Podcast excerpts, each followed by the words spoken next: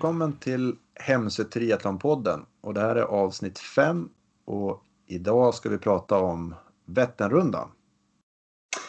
Johan, jag har tänkt på en sak. Hur kommer det sig att när man har cyklat sju stycken Vätternrunder som du har gjort och nu sitter och spelar in en podd om Vätternrundan eh, när du egentligen hatade cykling från första början. Det är ju lite grann som att mottala sig själv. Precis.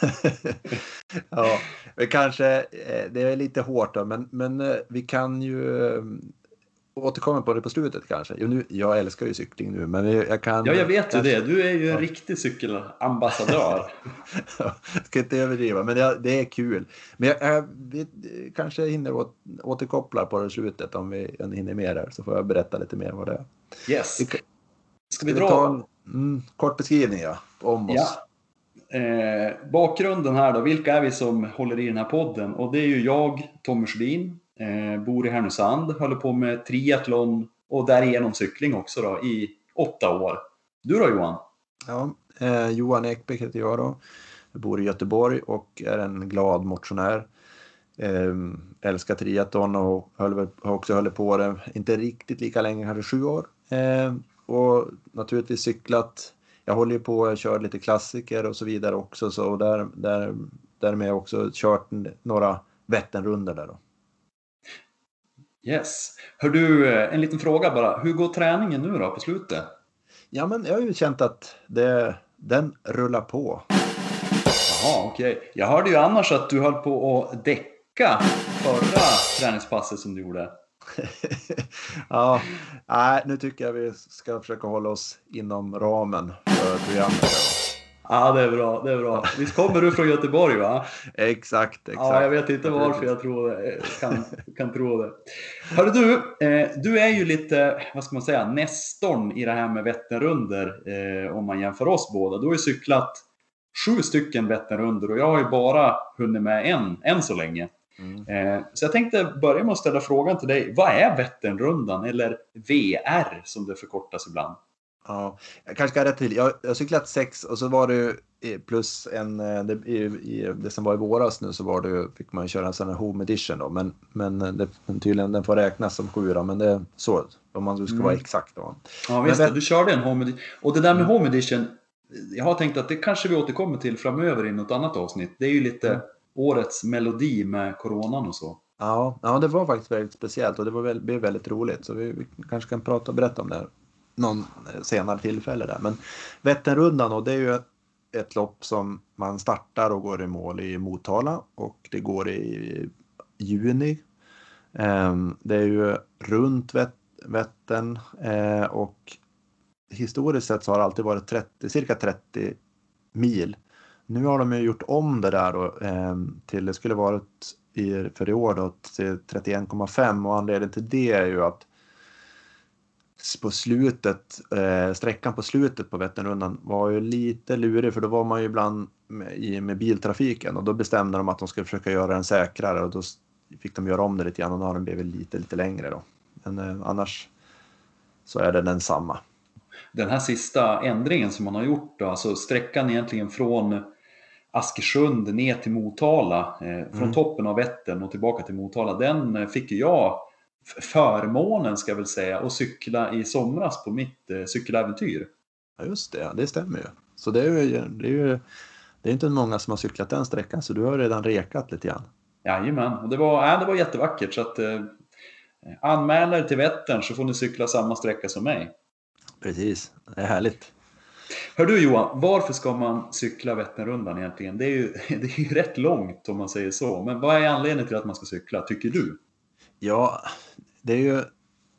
Nu gör ju många som, många som gör sin klassiker, då, då eh, kör man den här. Men det, det är en... Det, det, dels är det ju en, en rolig och det är lite en social bit också. Man kan cykla tillsammans.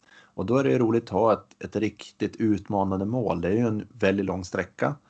Eh, och, och det är en fantastiskt eh, vacker miljö man cyklar runt där och den, den ja, det är bara en upplevelse. Jag, jag, jag, tycker ju själv att, och det här är så svårt att beskriva, men att cykla i, i, en, i en grupp bara den här känslan när man glider iväg, alla ska iväg på den här långa sträckan.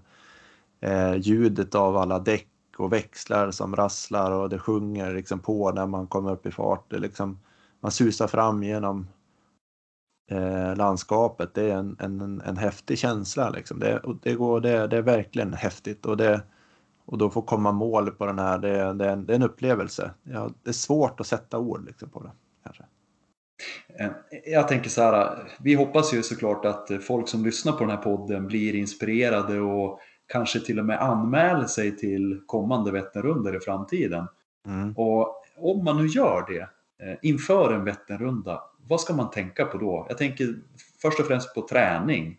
Ja, alltså det är ju den här liksom om man om man aldrig har eh, cyklat innan så, så ska man ju eh, man måste på något sätt börja där då. Om man inte har cyklat någon innan så ska man ju se till eh, att eh, skaffa sig någon form av cykel. vi, vi pratade lite, vi kommer gå in på det, lite mer detalj på det på lite längre fram i det här avsnittet då, men att komma igång och cykla, vänja kroppen med att sitta på en sadel eller på en cykel. Eh, och bor man uppe i, i Norrland och där, där en stor del av året är vinter så då kan man ju se till liksom att vara, vara med. Eh, och man kan köra spinningpass och så vidare för att vänja benen för det här då. Eh, sen, sen så tycker jag ju om man, om man första gången man cyklar så inte ha satt upp någon, någon eh, tids... Det är väldigt många som sätter att jag ska klara det på 10 timmar eller 13 timmar eller 8 timmar. Eh, ha bara som mål liksom att jag ska, jag ska, jag ska vara en, en, en härlig dag. Jag ska ta mig igenom de här. Jag ska, jag ska ehm, eh, uppleva de här stopperna i Jönköping och Jo och de här sakerna och verkligen ta in det där som strunta i tiderna. Det skulle jag vilja säga som kanske som första om man aldrig har gjort det där innan. Och så sen gärna eh, hitta några kompisar och, cykla med. För att det är ju en, en, en bra sak att börja träna och cykla tillsammans. För det är ju, det är ju när man det är en sak att cykla själv och när man cyklar i grupp så är det ju liksom lite andra regler som gäller hur man känner sig trygg i de här sakerna. Det kan ju också en bra grej att man kan söka sig till någon cykelklubb.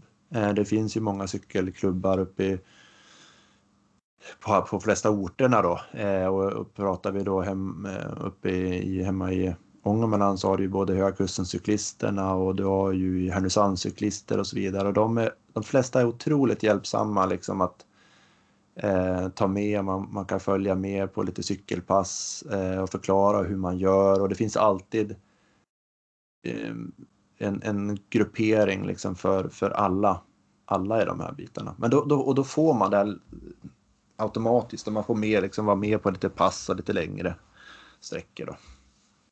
Eh, finns det någonting, eh, alltså ska man cykla ett visst antal mil för att klara av en Vätternrunda?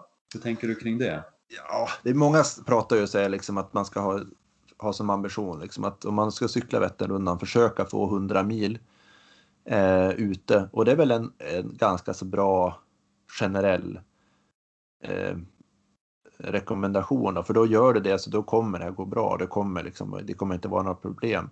Det är självklart så kommer du fixa om du har cyklar, bara har cyklat 30 mil innan men då, då kommer det bli jobbigare för kroppen för det tar ju ett tag att vänja sig med liksom i axlar och, och nacke och, och rumpan och allting liksom att vänja sig med att, att cykla då. Så att, Ja, men just det. Apropå rumpan. Får man inte rätt ont i rumpan när man ska cykla så här långt? Jo, alltså det... Det är ju så här. Jag, jag, kan, jag vet ju själv när jag började. Jag fick ju så fruktansvärt ont. Jag tyckte det här kommer aldrig gå. Jag höll på att prova med massa olika padding i cykelbyxor och så vidare. Och, och, och det är ju så att naturligtvis är det ju. Man måste försöka hitta en, en en, en sadel som passar en. Eh, det, det, tror jag är en, en, ganska, det kommer man märka ganska så snart. Men om man väl börjar cykla först så, så ta inte så långa pass från början. Man kan bara cykla, föra ut någon mil eh, och så vänja sig med tiden. Men om man fortfarande har man ont, det, det, för det går ju inte, det, det vet ju du. Liksom, det, det blir inget kul att cykla om man får ont i rumpan.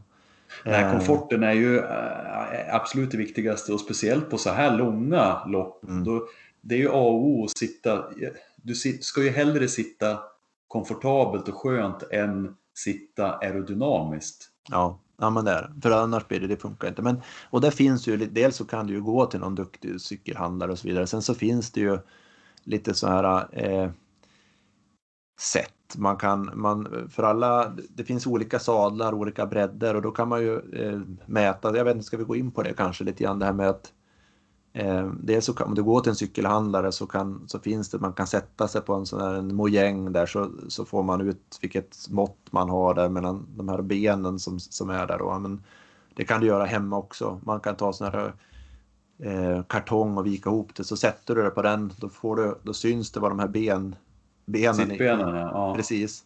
Och så mäter du då centrum centrum mellan det där och då får du en, en, en bredd. Och där har du liksom din sadelstorlek. Då. Och det, det brukar väl vara, kan vara lite olika där mellan män och kvinnor och så vidare, men det brukar vara en 120-140 ungefär då. Och så då skaffar du en sån sadel och då kommer det bli mycket bättre. Det här kan låta avancerat, men en välsorterad cykelbutik, de eh, har verktyg och instrument för att göra en sån här Eh, alltså kunna prova ut en, en bra sadel helt enkelt. Eller så ja. gör man det hemma vid, precis som Johan berättade med kartongbiten. Ja, och sen, sen är det ju också där med, som många pratar om bike fit, alltså ställa in cykel när man har en cykel och så, någorlunda rätt så att man har rätt avstånd med äh, armar och axlar till styret och, och, och benen och så vidare. Men det, det är också det, det, är en, en någorlunda bra cykelhandlare. De fixar det där till till, till dig liksom. Och ja. annars så finns det alltid någon kompis, framförallt om du är med någon, någon, går med i någon, någon klubb eh, så kommer de hjälpa med det där utan problem. Precis. Eh, nu har vi kommit in lite grann på utrustningssnack här och vi har pratat om sadlar och sådana grejer. Vad är det mer man ska tänka på? Vad behöver man för att cykla Vättern? Ja, alltså cykel naturligtvis. och det, ja, den är ju bra. den är bra.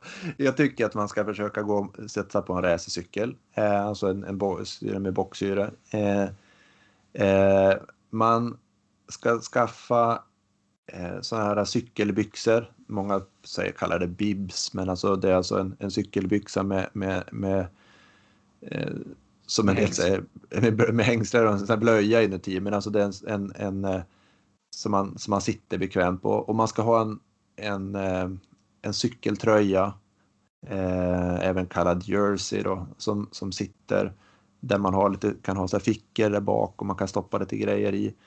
Sen, sen då eh, så kan man med fördel kombinera ihop det med de här där vi pratat tidigare då, löparkläder eller skidkläder till exempel. Har du ett par om det är lite kallare så då kan man ju ha sina löpartights kan du ha utanpå cykelbyxorna och du kan ha din löparjacka utanpå den här jerseyn då.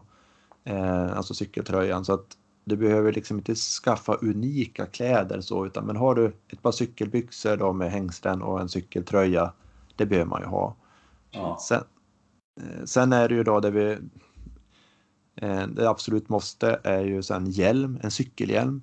Ehm, och det finns ju olika typer av sorter men det är den, en cykelhandlare eh, vet ju vad man ska ha. Om man nu ska vara riktigt så här, gå in i detalj så idag skulle jag tipsa att man ska köpa en, en, en cykelhjälm med, med Mips. Och ja, Mips, vet, visst vet du vad det är för någonting Tommy? Ja, men det är ju en teknik som gör att eh, hjälmen glider lite grann om man nu skulle falla. Det blir ett bättre mm. skydd för, för, för skallen helt enkelt. Ja, och det är värt. Man, jag tycker det, de, de kostar lite, lite mer, men det, det, är, men det, är, det är värt det. Men sen, sen det här, jag tänkte det här som många pratar om, att sitta fast på pedalerna. Är det nödvändigt att sitta fast på pedalerna? Ja, ja den är ju, en, den, är ju den, den frågan liksom. Och jag förstår att det är en stor tröskel om man aldrig har cyklat att skaffa då sådana här SPT eller SPTSL som det heter nu då, men pedaler där, där skorna sitter fast. Eh, jag, tror, jag tycker ju att man, absolut så ska man ha det för det är en sån otrolig fördel att man får, kan använda liksom det här så kallade rundtrampet och så vidare. Eh, men eh, och, och, känns det obehagligt så här så kan man ju börja med att, att vara med och om, de, om man är med och kör så spinningpass, för de flesta spinningpasserna då har de ju sådana här pedaler, eh, SPD-pedaler där man sitter fast och då kan man ju där känna hur det känns och, och lära sig hur man klickar i och klickar ur liksom. Eh, sen när man har det på cykeln så, så kommer det naturligtvis det tar ju ett litet tag att känna sig bekväm i det där. Man måste tänka sig för lite grann från början liksom att när man får i de där och man cyklar och man ska kliva ur foten eh, att när man kommer mot en korsning så kanske man alltid liksom drar ut en fot till exempel och så, så kommer man, sen så kommer det ske automatiskt. Men ja, visst, det kommer hända att man kommer stanna och tippa runt. Det har de flesta, i princip alla cyklister gjort eh, ett antal gånger. Eh, yes. är man är inte en riktig cyklist om man inte har gjort en SPD-vurpa. Precis, precis. Men ja, så på, det, på frågan så ska man ju ha sådana pedaler, absolut, det tycker jag. Jag kan väl tycka att om man nu köper en eh, racercykel för att cykla Vättern, då tycker jag att det är en väldigt liten kostnad att investera i ett par riktiga pedaler och cykelskor. Du mm. har lätt igen eh, känslan, alltså det är så mycket värt att ha de bra grejerna helt enkelt. Ja. Jag skulle väl kunna lägga till en, ett, par, ett par glasögon är bra, eh, cykelglasögon eh, och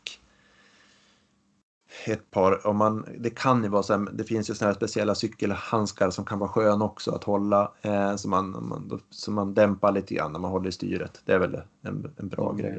Och glasögonen, det handlar ju inte bara om att se jäkligt cool ut, utan det, alltså, det finns ju faktiskt ett syfte med dem också, eller hur Johan? Ja, fast det, är ju, det viktigaste är ju att se cool ut va?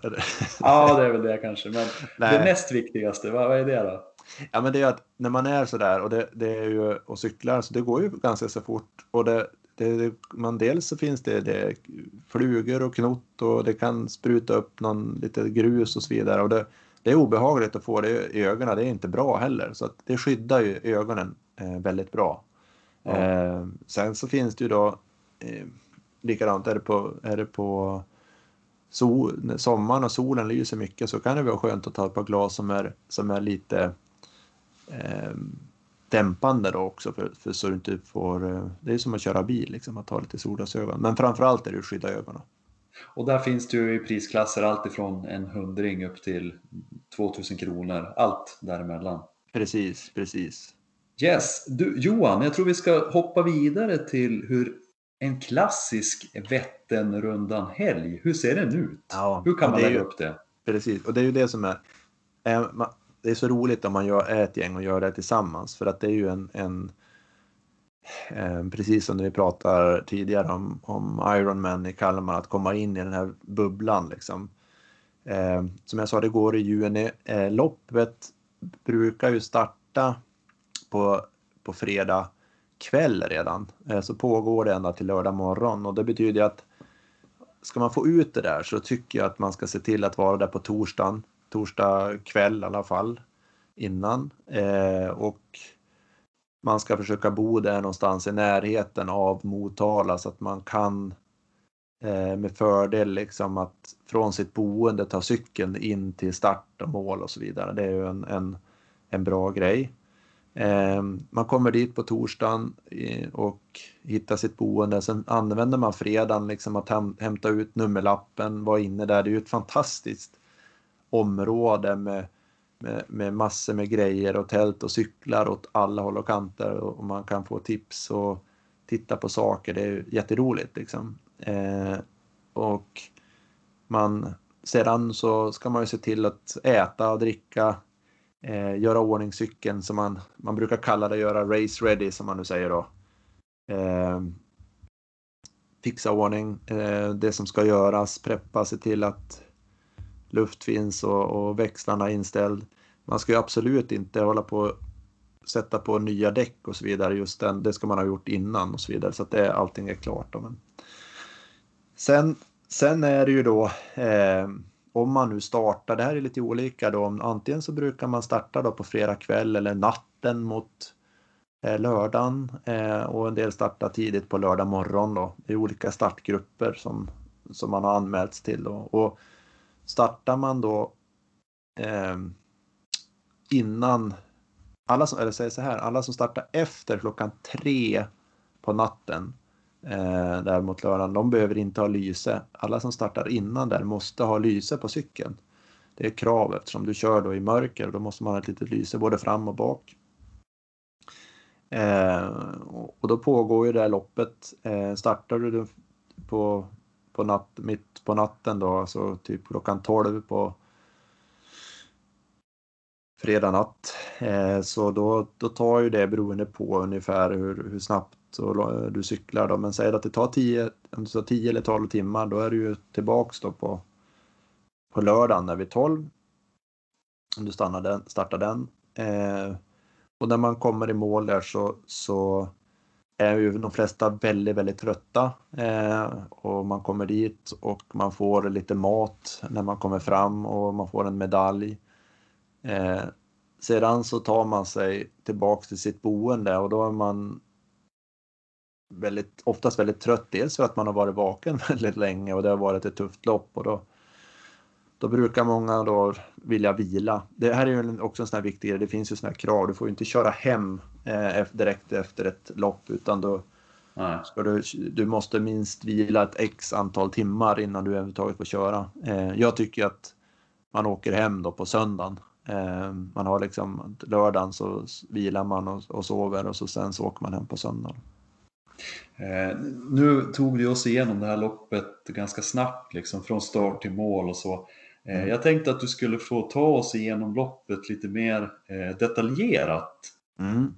Och ja. Dels vilka stationer man passerar och lite grann eh, ja, hur det funkar som under loppet. Ja, det är ju så här att, att eh, eh om, beroende på vilken tid man startar. Men vi har ju, vi kan väl ta så här, vi har, jag har ju provat att starta både mitt på natten och jag har startat på, på morgon och så vidare. Du och jag när vi körde för två år sedan tillsammans där, då, då startade vi vid, vid fyra tiden ungefär på morgon. Ehm, och ska man då starta fyra då, då gäller det liksom, det är som vanligt, eh, man måste kliva upp Eh, i tid, eh, gjort ordning på kvällen innan, eh, cykeln med allting eh, vad man ska ha med sig, eh, se till att i cykeln så har du flaskorna klara och, och eh, bars och liknande saker som du ska ha med. Och när du ska cykla ta dig in till starten då så ska man se till att komma i tid in till starten så man inte behöver stressa. Men också, man ska heller inte vara för tidig för att man har ju oftast kanske då kläder som är anpassad för att man ska köra på. Jag, det är ju, jag har aldrig sett någon haft med sig direkt överdragskläder och så vidare till startområdet utan man kommer dit så då, då är det bra att inte stå för länge men heller inte för sent. Ja. Och det, är en det... Efter, det, är en häftig känsla, jag tänker jag som bara har cyklat en gång. Mm. Eh, som du säger, man vill inte stå där för länge och börja frysa. Sen beror det på vilket väder det är såklart. Mm. Men att få vara där en liten stund innan och få insupa den här atmosfären kring ja. starten. För det är ju det är en häftig känsla. Ja.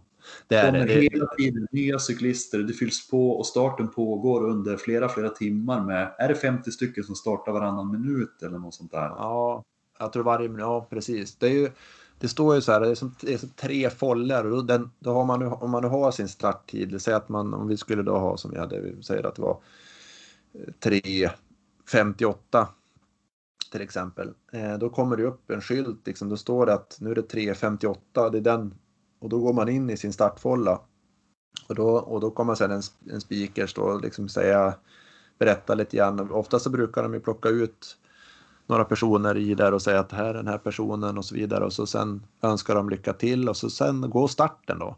Och när starten går iväg, då de första kilometrarna där, då, då ligger man bakom en, en motorcykel där som eh, man inte får köra om. Eh, för att eh, från början ut genom Motala så är det lite, lite försiktigt. Så då är det bara liksom ligga, ligga mer och flyta på där. Eh, och så sen efter någon kilometer då kliver, jag tror det är väl en, kanske en två kilometer eller någonting, då kliver den här motorcykeln av och då släpps, släpps det iväg då helt enkelt. Och eh, när man kommer, i, det gäller ju liksom från starten här liksom att försöka komma in i, i loppet och, i, och hitta någon bra eh, gäng man kan cykla med. Om man, in, om man cyklar helt själv så gäller det att försöka hitta någon man kan börja cykla tillsammans med helt enkelt. Och de, de första kilometerna brukar vara lite så här att hitta det här eh, rätt. Det, det, det, brukar sätta sig lite grann då.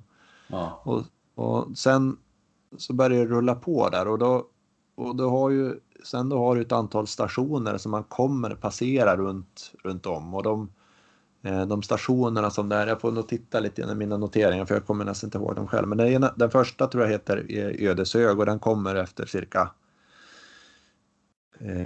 47 eh, kilometer och sen så kommer man till en annan liten eh, som heter Ölmstad som kommer efter 83 och så sen har du då en klassisk stopp och det är. Jönköping. Mm. Jönköping är klassisk, jajamän. Ja, och det tycker jag definitivt om man om man eh, för, första gången när man kör så ska man absolut stanna i Jönköping och, och där kan man med fördel då liksom om man nu kliva av cykeln där och så kan man gå in. Där finns ju, serveras ju till exempel lite mat och så vidare om man vill ha det. De har cyklat 10 de har cyklat 10 mil. De har cyklat en tredjedel av, av sträckan. Då. Ja. Eh, sen så bär det ju iväg då runt eh, Jönköping där och, och så börjar det vika upp eh, på andra sidan, som, som jag säger, andra sidan sjön då. För Jönköping, då är vi ju längst ner på Vättern. Ja i södra udden på Vättern och sen Amen. vänder uppåt igen på andra sidan. Amen.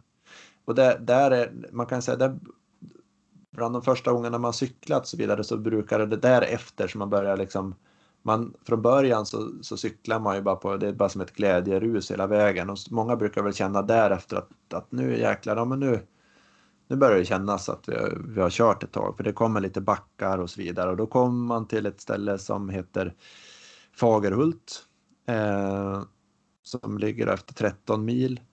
Eh, och, och eh, där är många som brukar stanna och, och, kanske fylla på flaskan eller någonting då. Eh, och efter det så kommer ett till som jag skulle säga ett klassiskt ställe och det är You. I love eh, you. Precis, exakt. En fantastisk slogan. Eh, och där, där är också ett sånt där, om man nu är första gången man cyklar så tycker jag absolut, oavsett hur man känner så där så ska man gå in, stanna, eh, kliva av cykeln. Det finns, man kan ställa från sig cykeln och så kan man få lasagne där, man kan få en kaffe. Jag minns första gången jag cyklade så jag var så fruktansvärt kaffesugen där så jag, och så fick jag gå in och så dricka kaffe där. Det var, ja, det var helt fantastiskt. Men du Johan, alltså jo, då är vi ju drygt 17 mil, lite mer än halvvägs. Ja. Och eh, jag tänker så här på landskapet runt, runt den här pölen, hur det mm. liksom skiljer sig från östra till västra sidan eller norra och södra delen av, av Vättern? Ja, alltså det, ja, det, det är ju, jag säger fram från Jönköping till Jo så är det ju ibland bitvis lite kuperat lite upp och ner där då. Eh, ja. Men sen så är det ju ganska fina sträckor där och de här rutinerade, de brukar ju säga så här att loppet börjar i Jo det är ungefär som när vi pratar eh, Vasaloppet, att det börjar vid, vid, mm. vid eh, eh, Evertsberg. Och det är väl en, en, bra, det är en bra grej för att alltså det, det, är där det börjar bli jobbigt. Är man trött och så vidare där så då, då är det, det är där man börjar bli helt trött helt enkelt. Och, eh, det ges iväg där mot eh, Karlsborg som jag tycker ändå är en klassisk place, men det är inte så många som stannar i Karlsborg. Jag har sett att en del, del gör det, för den är, när man kommer in i Karlsborg, det är jättevackert där för övrigt, och så, så, så måste man som svänga av lite till den här stationen. Eh, sen har du, vill man, det, man cyklar över Göta kanal där i Karlsborg och det, det, kan, det, måste man vara beredd på att de öppnar ju faktiskt. Eh, ibland ska båtarna förbi och, och har man otur så kommer man precis där det är en broöppning där och då är det bara stå och vänta. Mm, då blir stående ja. ja.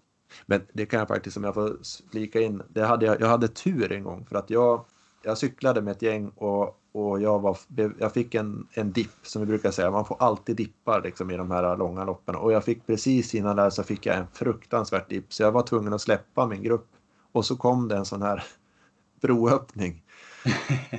så Hade du ringt och beställt den? Ja, jag, det var näst, nästan så. Så jag kom dit där och så stod de så kom jag kapp dem och då hann jag trycka några geler och grejer och helt plötsligt så ja, men då kom jag tillbaks i matchen och så kunde jag hänga med gruppen liksom och köra till målet. Liksom. Och det, så ibland så är broöppningen en möjlighet också. Det är bra. Det är bra. Ja. Och Karlsborg, då har vi tagit oss två tredjedelar av loppet. Ja. Då har vi cyklat drygt 20 mil. Ja. Och, då, och där är ju, jag skulle vilja säga, det finns en sak som jag som jag tyckte var så roligt för att en bit efter Karlsborg eh, så kommer man till en en tuff backe. Jag kallar den Jesusbacken. Eh, de som har cyklat Vättern några gånger vet precis vad jag menar. Eh, och, och, och, det var den hade jag ju pratat när du och jag cyklade tillsammans. och då hade jag ju berättat det för dig om, så mycket om den där Jesusbacken. Och så sen, då var det första gången som det, inte, det var ingen där. Alltså, det var förut i toppen på den backen så stod det en en, eh, det var en präst som välsignade alla cyklister. och det, första, första gången jag kom där, då jag, vad är det här för någonting? Eh, ja. Sen då bara tyckte jag det här var ju fantastiskt. Det var en, en härligt att se han, han stå där och välsigna alla cyklister som kom. Så jag, jag var riktigt besviken när, när vi då i förra året, när vi kom där, stod det ingen där. Så det var, Jättekonstigt. Ja, och jag var jättebesviken. För jag hade fått höra om det här tidigare. Precis, så vad fasen hände där? Liksom? Ja. Men, yes, men då... sen vidare norrut. Ja, och så Boviken, det skulle jag säga, det är, det är inget klassiskt, men det är många som passar på att ta, eh, fyller på sina flaskor. Eh, det har jag gjort faktiskt några gånger där har stannat och fyllt på eh, när man varit slut på vätska. Eh, upp till Askersund, det är ju där det är på något sätt, då har man kört 25 mil, drygt 25 mil och då det är en stor milstolpe för då vänder man och så börjar man köra liksom söderut igen. Eh, och eh, så kommer man, och det här som skiljer, förut så, så var det ju då stationen efter hette Medvi och det var, brukade vara ungefär en eh, två mil kvar då till målet men den är ju borttagen nu då så nu kör man ju den här andra sträckan som vi pratade om och det, då ska man förbi en station som heter Godegård. Jag har själv aldrig cyklat där för det är ju något nytt då. Och den tror jag kommer då efter 28, kan det stämma? 28, 29? Ja, drygt 28. Mm. Eh, och så sen efter det är det ju bara helt enkelt Motala då som man kommer in och det är ju en när man väl börjar närma sig, det är, det är ju precis nästan samma känsla som vi pratade om när vi pratade eh, Vasaloppet. Man börjar, kommer in där och det, eh, upplevelse. Tyvärr så blir, blir man ju så här att man börjar tokköra den sista när det är liksom en kilometer. Men när tävlingspersonerna kommer igång liksom att få ut det sista då. Men jag, jag, återigen, jag säger det, jag tycker att gör inte det utan det är ju inte där det avgörs utan eh, gå i mål med värdighet, eh, dra upp, eh, fixa till kläderna lite grann eh, så att man ser proper ut. Så när man kommer in där mot målet så är det ju tas ju bilder och, och filmer och så vidare och, och, ta in den här känslan när publiken står där. Eh, det är verkligen häftigt och har man tur är det fint väder när man kommer i mål där. Så, och så får man kliva av cykeln. Det är fantastiskt. Johan, där måste jag tillägga när min enda gång jag har cyklat så cyklade jag tillsammans med dig. Mm. Och eh, vi cyklade ju hela loppet tillsammans och gick ju även i mål tillsammans. Och ja. där har vi ju en bild ifrån våran målgång där vi high-fivar varandra eh, ja, samtidigt som vi bryter mållinjen. Men jag tycker det var eh, det var en jättehärlig känsla att ha gjort det här loppet tillsammans med någon som man, som man känner väldigt bra. För det, det är en lång dag eh, och man får pusha varandra, man har sina dippar och man, eh, man blir pigg igen. Och eh, om vartannat sådär. Så att jag, ja, det är ett jättehärligt minne jag har från målgången. Ja. Eh, även om vi vi tokkörde väl rätt bra på slutet. Vi hade kunnat lagt upp det på ett annat sätt. Ja, i och för sig. Ja. Men... Då ville vi, vi hade ju en, en ambition där så det blev men vi, vi, vi, vi gick ändå mål med värdighet. Vi tittade upp liksom och så sista, sista kilometern där. Så det blev, och det, då blir det ett roligt minne och det tyckte jag också. Vi hade, vi hade väldigt kul på den rundan. Faktiskt. En härlig dag. Eh, yes, nu är vi i mål och mm. vi har fått följa alla stationerna. Men jag skulle också vilja veta lite grann om strategin som mm. man kan lägga upp för att ta sig runt den här pölen. Ja, och det, det är ju faktiskt så att det är jag tycker att man ska försöka ha en, en plan, en strategi eh, och håll, försöka förhålla sig till den. Eh, för det är lätt att man förivrar sig och, det, eh, och, och, så vidare. Eh, när det är. Och då är det ju frågan liksom, ska man eh, första gången som jag sa det, då, då, tycker jag man ska sikta på att eh, ta sig igenom den här biten och då ska man ha, se, se till att ha en strategi, att man stannar eh, på, på de här ställena som vi pratar om. Vare sig man, känner, man tycker att man är pigg så investera i det. Liksom. Njut, ta in loppet och använd de här stationerna. Eh, sen så kanske man när man har cyklat en eller två gånger så kanske man blir sugen på att passera den här klassiska, eh, många pratar om 10 timmar då. Eh, I den gamla så var det då 10 timmar så måste du ha 30 i snitt runt och då måste du kanske ha en ännu tydligare strategi. Liksom. Hur, vart ska du, hur många stopp ska du göra? Du kanske gör då två, två stopp, de får inte ta lång tid, vätska och så vidare. Eh, ska du ha cyklar då till exempel, som när vi, du och jag, vi hade ju ambition då på att cykla på, på lite drygt 8 timmar. Vi hade 8.15 då som vi skulle cykla där och då, då kan man ju egentligen inte, vi planerade ett, ett snabbstopp på ett ställe, där, men då måste man ju ha med sig då tänka till att jag ska ha, måste ha vätska och mat och energi så jag klarar mig hela vägen runt. Liksom. Ja. Eh, och hur man ska göra det där och hur man ska eh, eh, eh vad ska man säga, ska man cykla med, med vilka man ska cykla med och ska man vara ett gäng och ska man hitta en grupp. Jag menar, det är som när du och jag cyklade, vi, vi hade ju ha tur lite grann då. Vi, du och jag, vi, då hittade vi, vi cyklade ju med ett gäng där och så sen så fick vi för oss, eh, vi tyckte när det var några mil kvar att ah, men det här det håller inte så vi, vi valde att köra själv liksom. Ja. Vilket var en dålig strategi för att det, då fick vi ligga och turas om och, och, och dra själva. Eh, och det, det, kräver ju otroligt mycket kraft att hålla farten uppe och då visade det sig när vi, precis när vi kommer mot mål så de här som vi hade cyklat de kommer ju kapp oss då istället. Mm. Eh. Alldeles innan mållinjen, jag kommer ihåg det där. Med facit i hand så skulle vi ju ha egentligen följt de här, eh, den här gruppen. Då hade vi tillsammans gjort en bättre tid om vi hade samarbetat. Absolut, absolut. Och det, men, men det är ju sånt där man, man måste ha lite tålamod. Eh, det är lite strategi som sagt att tänka de här bitarna. Eh, sen är det ju också att man måste vara medveten om man nu första gången man cyklar den här så det är jättelång sträcka. Eh, man kommer ha den här, det kommer vara roligt och det kan vara bra men det kan också vara, kan regna eh, och det kan vara blåsigt. Eh, och man måste vara inställd på alla de här sakerna som kan hända och man kommer ha dippar liksom så att man är beredd på det. Ja. Eh. Sen en, en annan grej.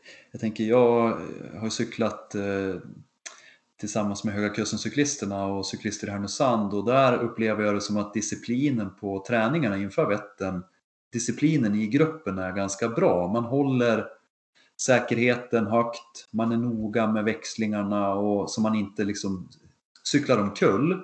Mm. Eh, det är väldigt lite vingel på våra mm. träningar men mm. min upplevelse av Vättern var att att där finns det personer som kanske inte har så stor erfarenhet av att cykla i grupp så att det blir lite mera vingel och oberäkneligt hur folk cyklar. Det måste man vara beredd på när man cyklar ja. Vättern.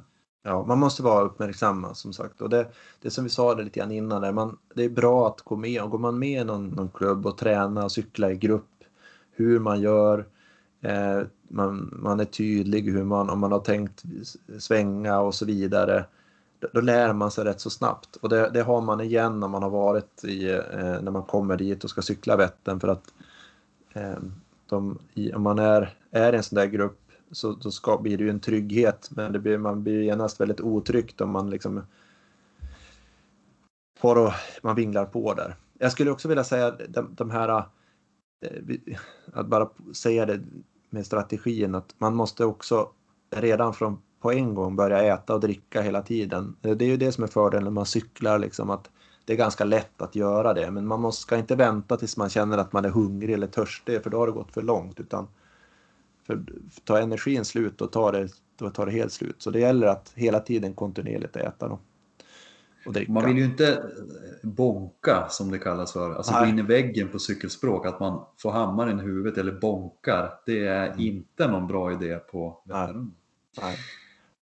Johan, jag tänkte så här. Eh, du hade ju en liten berättelse här i början om att du egentligen inte tycker om cykling. Eh, Precis. I och botten. Så jag skulle vilja höra slutet på den historien. Ja, alltså det är ju egentligen inte mer. Det var jag, det var jag skulle jag tyckte inte att det var roligt att cykla. Jag fattade inte det. Jag hade, jag hade fått låna och prova på att cykla med en någon racercykel och jag, det, jag fick bara ont i kroppen och det var inget kul alls. Och sen så var det några, några kompisar nere i Göteborg som skulle göra en klassiker Eh, och då tänkte jag jag kunde väl hänga med dem men då, på det. Eh, men då skulle jag, tänkte jag men jag ska ändå köpa mig en cykel. Och då åkte jag till cykelhandlarna och skulle köpa en, en pendlarcykel som jag kunde ha liksom, till jobbet med rakt styre.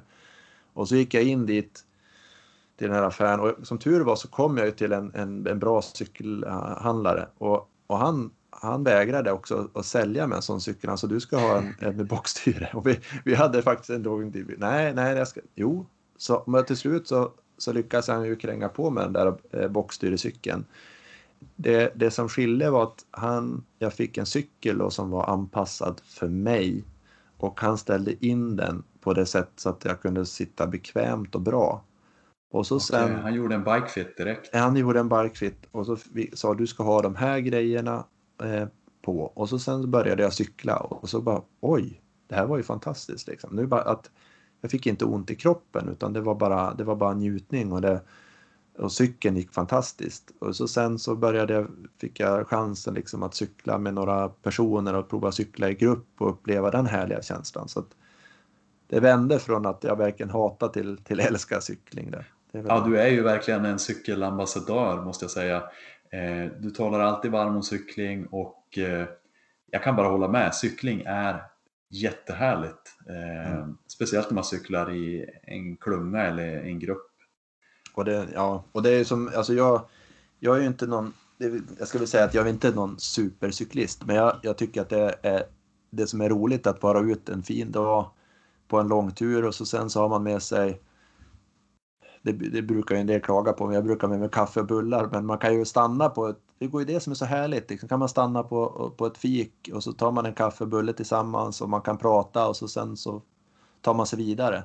Och det är ju en fantastisk träningsform, det är det. Johan, jag tänkte vi ska avrunda här, det här ja. avsnittet om Vätternrundan med att eh, jag skulle vilja att du lämnar tre tips till personer som står inför funderingarna att anmäla sig till sin första Vätternrunda. Mm. Eh, mm. tre bra tips, vad bör de tänka på? Ja, jag säger så försök eh, ha, få med några kompisar och gör det tillsammans med någon. Eh, det är mycket roligare, dels förberedelserna när man är ute och genomförandet. Eh, skaffa eh, det behöver inte vara superutrustning, men det, se till att du har någorlunda bra utrustning, alltså som jag sa, det, cykelhjälm, cykelbyxor eh, och så vidare, så att du, det fungerar bra och att du, du sitter bra, för då kommer det bli, då kommer det bli bra. Sen så sista är liksom att se till och, och, och njut av upplevelsen. Stressa inte runt. Börja inte, ta inte första gången liksom att nu ska vi klämma eh, under åtta timmar liksom, utan låt det vara ett äventyr och, eh, och ha, ha trevligt helt enkelt. Tack, det låter som tre jättebra tips tycker jag. Eh, jag eh, har ingenting mera angående Vätternrundan nu utan mm. vi tackar för det här avsnittet och nästa avsnitt så kommer vi att prata om Kommer du ihåg vad det är Johan? Ja, men nu, nu kommer jag ihåg. Nu, och då pratar vi triathlon-tävlingar i specifikt. Oj, oj, oj, oj, oj, nu kommer vi in på helig mark här hör jag. Nej, vi, vi, har sparat det bästa till sist. Liksom. Det är ju det som är, eh, det blir jättekul. Och då, då ska vi prata om liksom hur det går till eh, och, och lite mer specifikt på tävlingsbiten. Det låter superspännande det också. Jajamän. Hörru du Johan, tusen tack för den här podden och ha det fint i Göteborg. Träna på, träna smart så ja. hörs vi framöver. Detsamma Tommy, ha det så bra. Hej ha det bra. Hej då.